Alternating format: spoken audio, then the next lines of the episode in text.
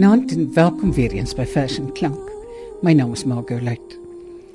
Op 9 Januarie 1871 is Eugene of Eugene Maree in Pretoria gebore, die jongste kind uit 'n groep van 13. Nou waarom sê ek Eugene of Eugene?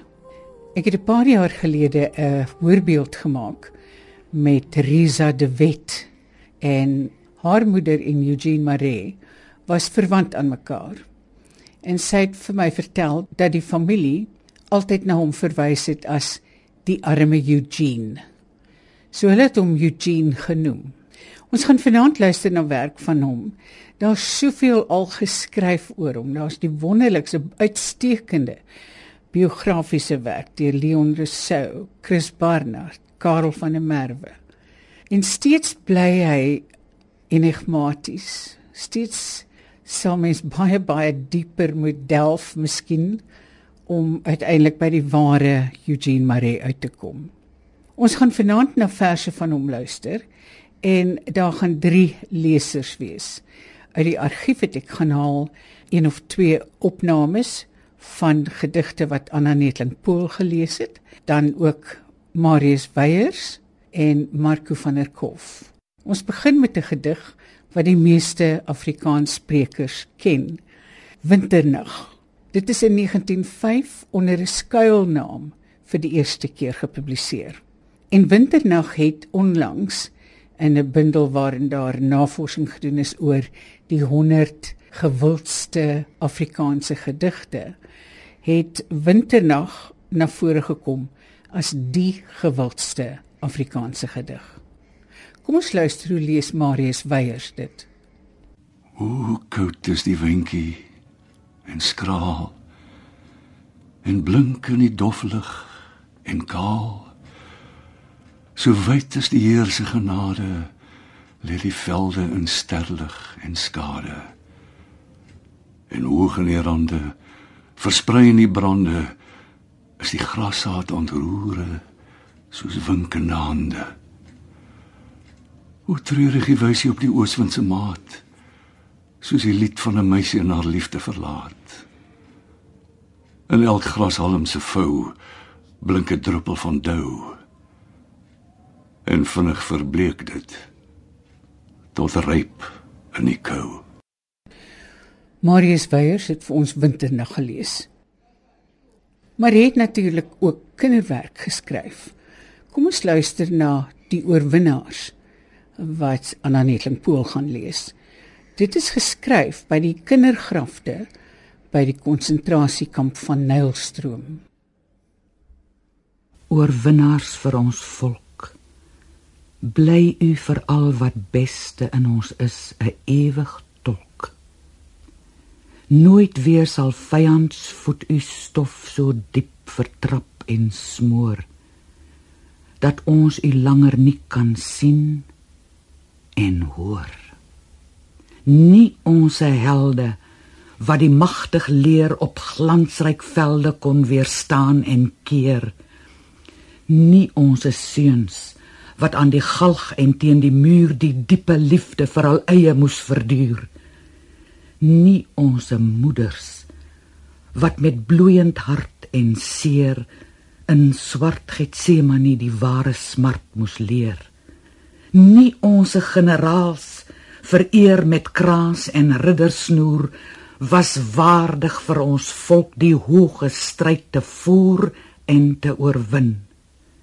Nie ons met vuile hand en hart ontrou was waardig om die vaandel hoog te hou. Maar u o bleke spookies in u kermend klagend wee staan voor ons ewiglik beskermend uit die lang verlede. Ananetling Pool se voorlesing van die oorwinnaars. Die lyding van kinders het vir Marie duidelik diep getref. Luister na hierdie vers. is daar nog trane wat hy geskryf het in 'n Belgiese hospitaal vir kinders met ongeneeslike siektes. Marco van der Kolf gaan dit vir ons lees. Is daar nog trane? Sal ooit weer skyn van smart, deur sinsbedrog en ydel wane, 'n enkel sug roep uit die hart? Is daar nog trane? Is daar nog bly gelag waar kleintjies speel in tuine vol van sonneskyn en blommepragt? Is daar nog bly gelag in huise warm en hel verlig, gesondheid op elk klein gesig, waar moederliefde as 'n gloed en elke smart beskerm, verhoed, elk vreug vergroot, elk leed versag? Is daar nog bly gelag? Is daar gebede nog wat in die hemel nuut sal klink? Wat in vuurwoorde ongesog die weeklaag in God se oor sal skink? Is daar gebede nog wat alle vreugde daar sal stoor? Met onweerstaanbare gewrog dwing tot verhoor. Is daar gebede nog?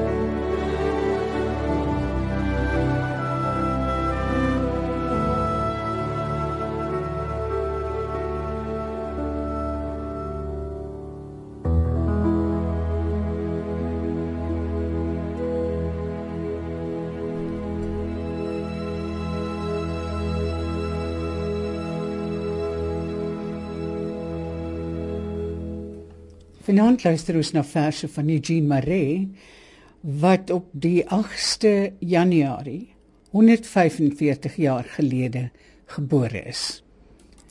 Toe Chris Barnard en Katinka Heinz in Sonneblom Films destyds die pragtige film Die Wonderwerker gemaak het, het Chris die volgende oor Eugene Maree gesê. Hy was 'n merkwaardige digter, 'n politieke rebel invloedryke joernalis, kenner van diergedrag, prokureur, kampvegter vir Afrikaans, sterrekundige, wonderdokter, prospekteerder, storieverteller, swerwer en dwelmverslaafde. En wanneer 'n mens na sy werk kyk en lees, dan is daar baie werk wat baie somber en donker is. Maar daar is ook kinderverse. Luister hierna. 'n Fietjie het vir haar uit spinnerak 'n doek vergaar. 'n Rokkie wit as heuning was, het sy toe aan mekaar gelas. Maar nouliks was dit om haar lyf, toe kom 'n windjie vlug en styf en met die uiting van sy sug, daar trek ons fietjie deur die lug. Haar maatjie staar haar treurig aan, hoe sy hoog oor die bome gaan, tot sy met heel haar rokkie fyn daar in die verte glad verdwyn. As jy 'n rokkie ooit besit, van spinnerak of iets soos dit. Pas op hoe jy jou dan verroer. 'n Winkie mag jou glad vervoer. In die vers die tovenares word dit duidelik dat Marie altyd met deernis en erbarming aan mense gedink het wat anders is. Wat word van die meisie wat altyd alleen bly? Sy wag nie meer vir die kom van die jagters nie. Sy maak nie meer die vuur van swart doringhout nie. Die wind waai verby haar ore. Sy hoor nie meer die danslied nie. Die stem van die storieverteller is dood. Geen een roep haar van ver nie om mooi woorde te praat. Sy hoor net die stem van die wind alleen. En die wind treur altyd om my alleen is. Thank you.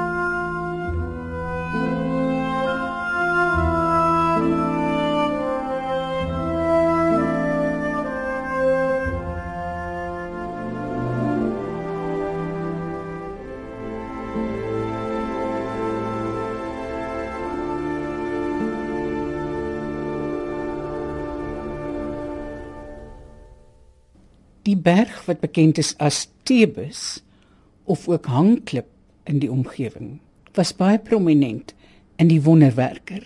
Hierdie berg het 'n groot invloed gehad op Marie se lewe en op sy gemoed. Kom ons luister hoe lees Marius Weyers dit. Daar sou ek vrede weer besef.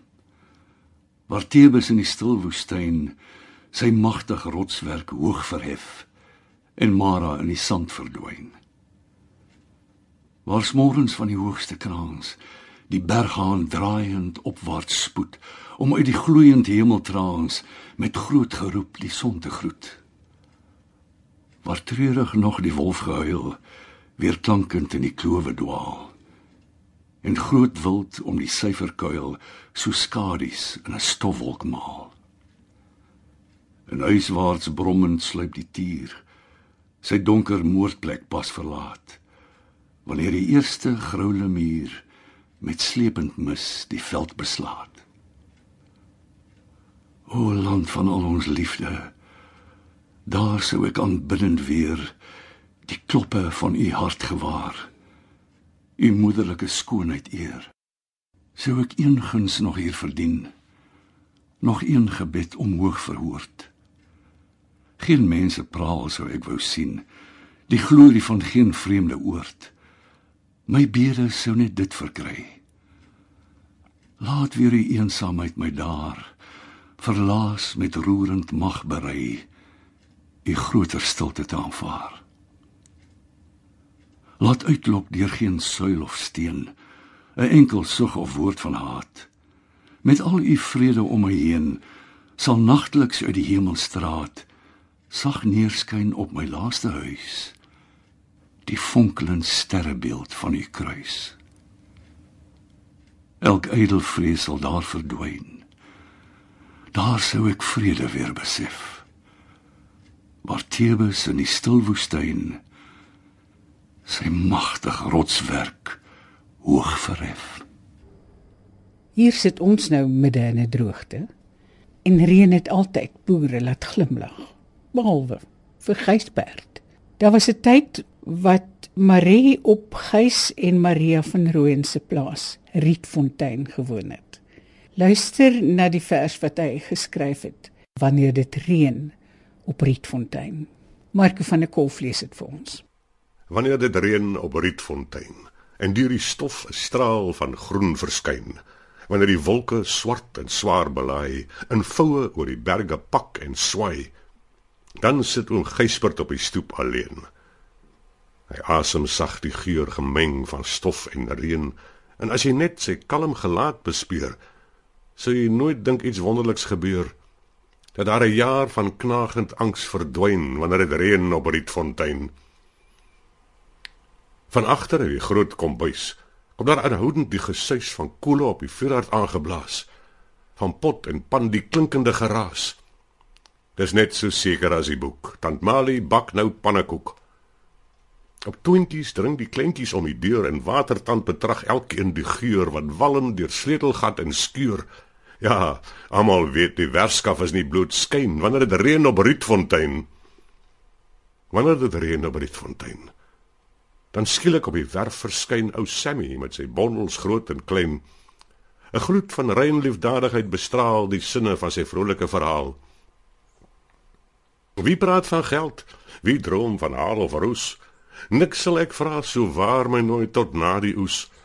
Ek sweer ou nooi, op elke skoen verloor ek geld. Maar wat kan ek doen? Die meisies om hom dig vergaar, betas verlangend al die skone waar. Geduldig word elke stuk ontvou, van lowergroen tot bafta blou.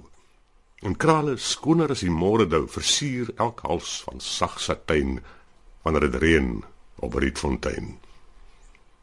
En onder dreigend hondergeblaf klim Kouen by die voordeur af. So vriendelik was hy nooit in jare. Hy lag en groet met groot gebare. So vrolik is hy nou, jy kan jou lig verbeel, hy het nou net aangekom om skatte uit te deel. Wie praat van geld of skulde eis? Ek vra maar net die klein bewys. Ons hoef nie te bepaal die dag tot na die nagmaal sal ek wag. En almal koop en praat en lag. 'n Roes van vreugde gaan oor groot en klein wanneer dit reën op Rietfontein. Mens kan sekerlik nie 'n program oor Eugene Maree se werk maak sonder die dans van die reën nie. O die dans van ons suster. Eers oor die bergtop loer sy skelm en haar oë is skaam en sy lag saggies. En van ver af wink sy met die een hand. Haar armbande blink en haar krale skitter. Saggies roep sy. Sy vertel die winde van die dans en sy nooi hulle uit van die werf is wyd en die bruilof groot. Die groot wild jaag uit die vlakte, hulle dam op die bulttop, wyd rek hulle die neusgate en hulle sluk die wind. En hulle buik om haar fyn spore op die sand te sien. Die klein volk diep onder die grond hoor die sleep van haar voete.